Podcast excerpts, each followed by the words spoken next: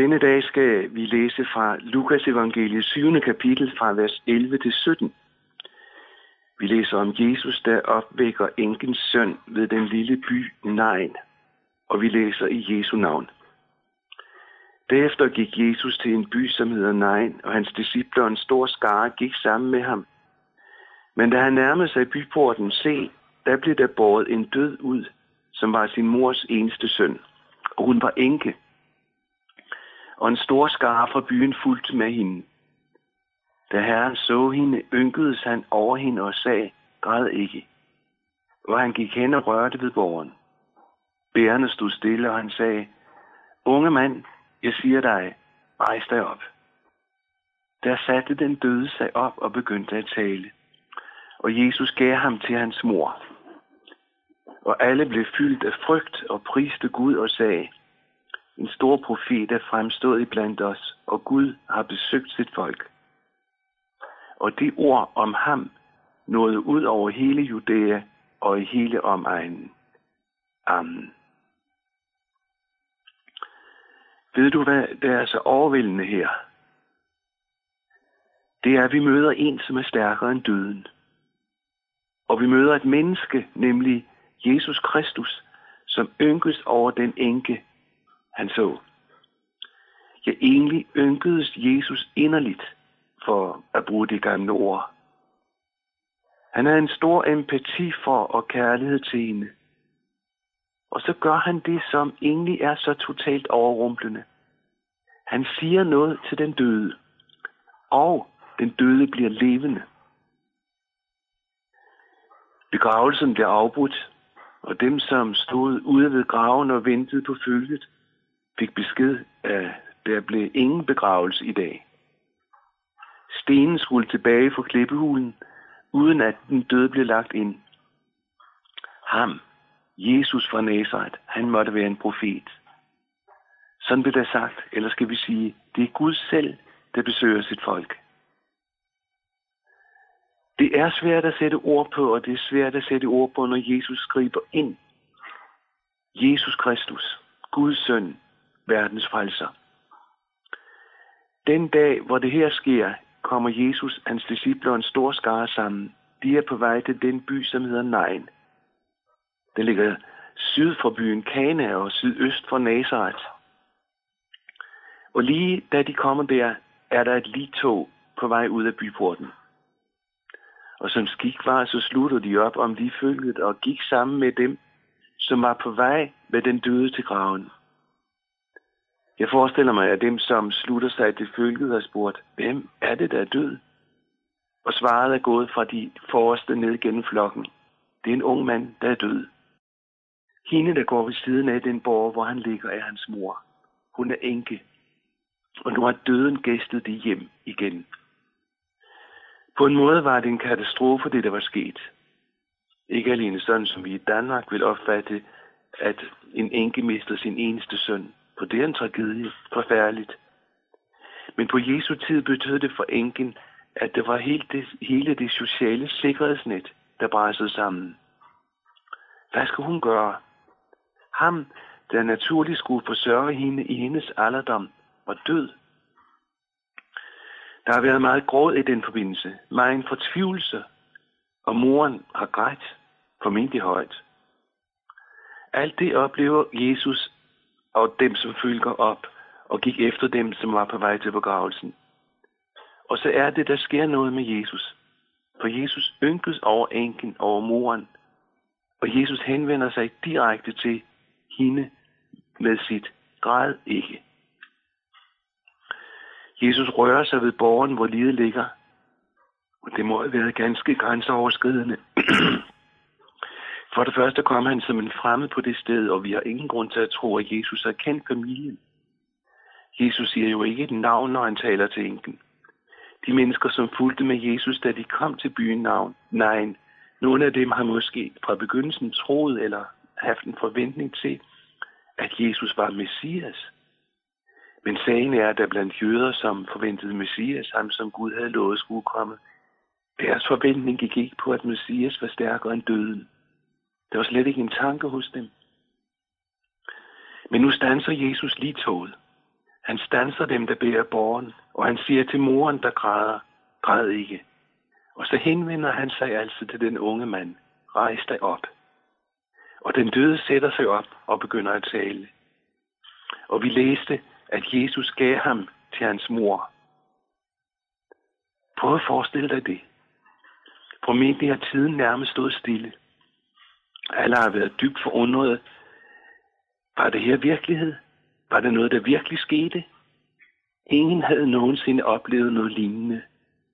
Den unge mand har formentlig tænkt, spurgt om, hvad de havde gang i. Det kan nemt være, at moren fortsat har grædt. Men nu er det glædestårer. Og hvad siger det her så også om Jesus? Jo, det lærer os altså det, jeg sagde før, at Jesus er stærkere end døden. Han siger om sig selv ved en senere lejlighed, at han er livet, og det er jo virkeligheden. Livet, der er stærkere end døden. Men nu skal du høre. For det her, det er ikke bare sådan en overrumplende historie fra Nyt Testament. Denne Jesus, som kom ind i den lille families tragiske virkelighed og gav sønnen livet igen. Denne Jesus er den samme i dag. Og jeg vil gerne nævne et par forhold her. For det første, det du og jeg har til fælles, og vi har til fælles med alle mennesker, det er, at vi en dag skal dø. Vi ved ikke, hvornår det sker, men vi ved, at når denne dag er til ende, ja, så er vi kommet en dag nærmere den dag, som er vores sidste her på jord. Statistikken er meget stram her. Den er en til en. Jeg ved ikke, hvordan du tænker, når jeg siger sådan. Der er mange, som frygter døden. Andre prøver at tale sig ud af den frygt, hvilket som regel sker, indtil døden rykker helt ind i ens nærhed. Det vi vel ofte frygter i forbindelse med døden, det er, hvad der sker, når jeg dør. Eller er Gud der et sted? Og hvad mener han om mig? Er det rigtigt, det der med, at Jesus skal komme igen og dømme levende og døde? Ja, det tror jeg er sandt. Og nu skal du høre. For det her har at gøre med, at Jesus er stærkere end døden.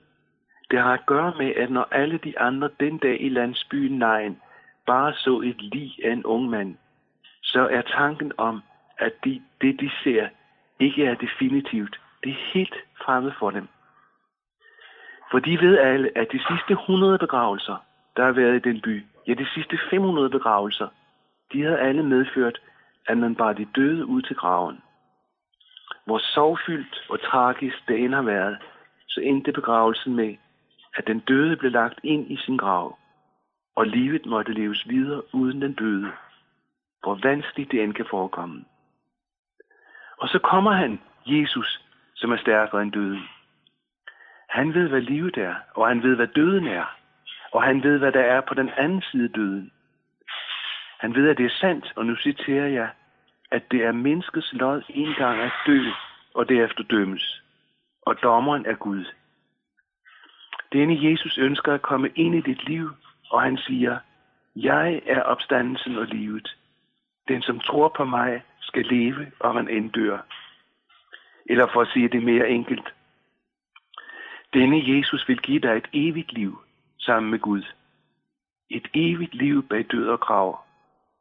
For ikke alene vil han give dig et evigt liv, men også det med at skulle møde Gud og stå ham til regnskab, vil han klare for dig. For Jesus har nemlig vundet det her til dig hos Gud. Og så ønsker han at give dig det gennem ord, som du hører, også gennem en andagt som den, du lytter til nu. Jesus betalte din regning hos Gud. Kim Larsen, han er kommet med en ny udgivelse, en ny CD i foråret 2017. Han skriver om de her ting, og nu citerer jeg, når mit regnskab skal gøres op, og det er hans livsregnskab, han tænker på, så er han bange for Guds reaktion, og han fortsætter. For jeg har syndet, så det stod i stænger. Og han fortryder, da han taler om, at det af hans liv er flere minuser end plusser, plus alt det, som man ikke husker. Men han beder så i sangen, så vis mig noget og miskunnhed. Sådan synger han. Og det er jo en bøn. Kan være, at du har det som Kim Larsen, som han synger her. Så må du bede den bøn. Jesus, vis mig noget og miskundhed. Og ved du hvad? Både noget og miskundhed har Jesus til dig. Noget, det betyder at få noget, som man ikke har fortjent. Og at bede om miskundhed, det betyder, at man beder Gud om at se bort fra alt det forkerte, som er i ens liv. Og altså miskende mig. Du kan godt høre forbindelsen mellem miskundhed og det, at Gud ser bort fra virkeligheden om mig. At han miskender mig. Hemmeligheden bag, at Gud kan gøre det, er Jesus. Han, som ønsker at komme ind i dit liv. Han, som siger, den, som tror på mig, skal leve, om man end dør. Og for det andet, der er mange mennesker, der ikke bryder sig om, at Jesus skal komme netop til, til dem. De ønsker ikke at få ham for tæt på. Jeg har faktisk mødt mennesker, som efter mit bedste skøn var overbevist om, at Jesus var Guds søn, at han var til, og han ville dem noget. Og alligevel ønskede de ikke, at han skulle komme ind i deres liv. Det er en uhyggelig virkelighed for de mennesker. Ved du, hvad der er karakteristisk for dem? Det er, at de ikke ville tro. Eller skal vi bruge et bibelsk udtryk? De er vantro. De ville ikke tro. Der er stor forskel på den situation, ikke at ville tro, og så være i en situation, hvor man synes, det er vanskeligt at tro, altså hvor tvivlen er der. Forleden mødte jeg en anden type, som langt mere har at gøre, at man gerne vil holde alle muligheder åbne. Dels noget af det, Jesus siger, dels at man heller ville afvise, heller ikke ville afvise reinkarnation. Og hvad med alt det, der sker her i livet, som man ikke lige kan finde en årsag til. Vedkommende nævnte også noget, nogle andre forhold, som havde at gøre med hendes eget følelsesliv. Jeg tror, hun repræsenterer noget i vores folk i dag, der skal vi kalde det tidsånden, som har at gøre med, at man tager lidt fra alle hylder, uden at ville have det til at hænge sammen. Hvorfor man er optaget af ting, som står i direkte modsætning til hinanden, uden at der indfægter logik eller tro. Gud skabte mennesket i sit billede, kan vi læse det første kapitel i Bibelen. Og siden har mennesker skabt en Gud i deres eget billede. Hun var nok typisk eksempel på det. Jeg pressede hende noget med, at Jesus jo kaldte sig selv for sandheden. Hun mente nok mest, at Jesus kunne være en del af sandheden. Hvorfor siger jeg det her?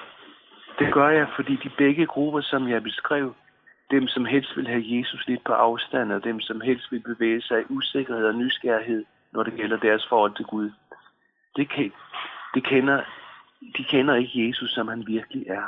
Sådan som han blandt andet her i beretningen med opvækkelsen af enken, enkens søn, sådan som han træder frem her.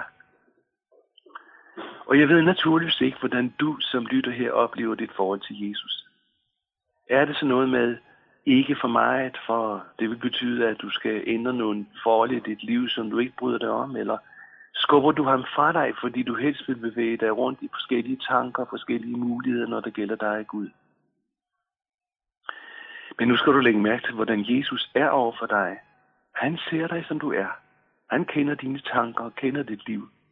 Han ved om alt det forkerte og alt det, som skete i dit liv, fordi du lod egoismen måske bestemme. Han kender nederlag, svigt. Og så kommer han til dig med den kærlighed, der fik ham til at gå hen gennem livfølget helt hen til enken og den døde søn. Og kærligheden, som, han, som her beskrives som om han ynkedes inderligt, det er den kærlighed, han møder dig med. Også dig, som oplever dig som mislykket med tanke på mødet med ham. Og han siger, jeg ønsker at være din frelser. Jeg ønsker at være sammen med dig i evighed. Jeg ønsker, at du skal være mit barn. Sådan elsker han. Og det er den kærlighed, han kommer til dig med denne dag. Måske lige så overrumplende, som det var for denne mor, at Jesus ind i hendes liv, kort før hun skulle gå tilbage til landsbyen alene, uden sønnen. Jesus ville det anderledes. Skulle du ikke lade Jesus komme ind i dit liv? Det var det bedste, der kunne ske for dig. Og netop når spørgsmålet skulle du ikke lade Jesus komme ind i dit liv? Når der spørges om det, så kan jeg sige dig, han er stærkt opmærksom på, hvad den, som lytter, svarer. Amen.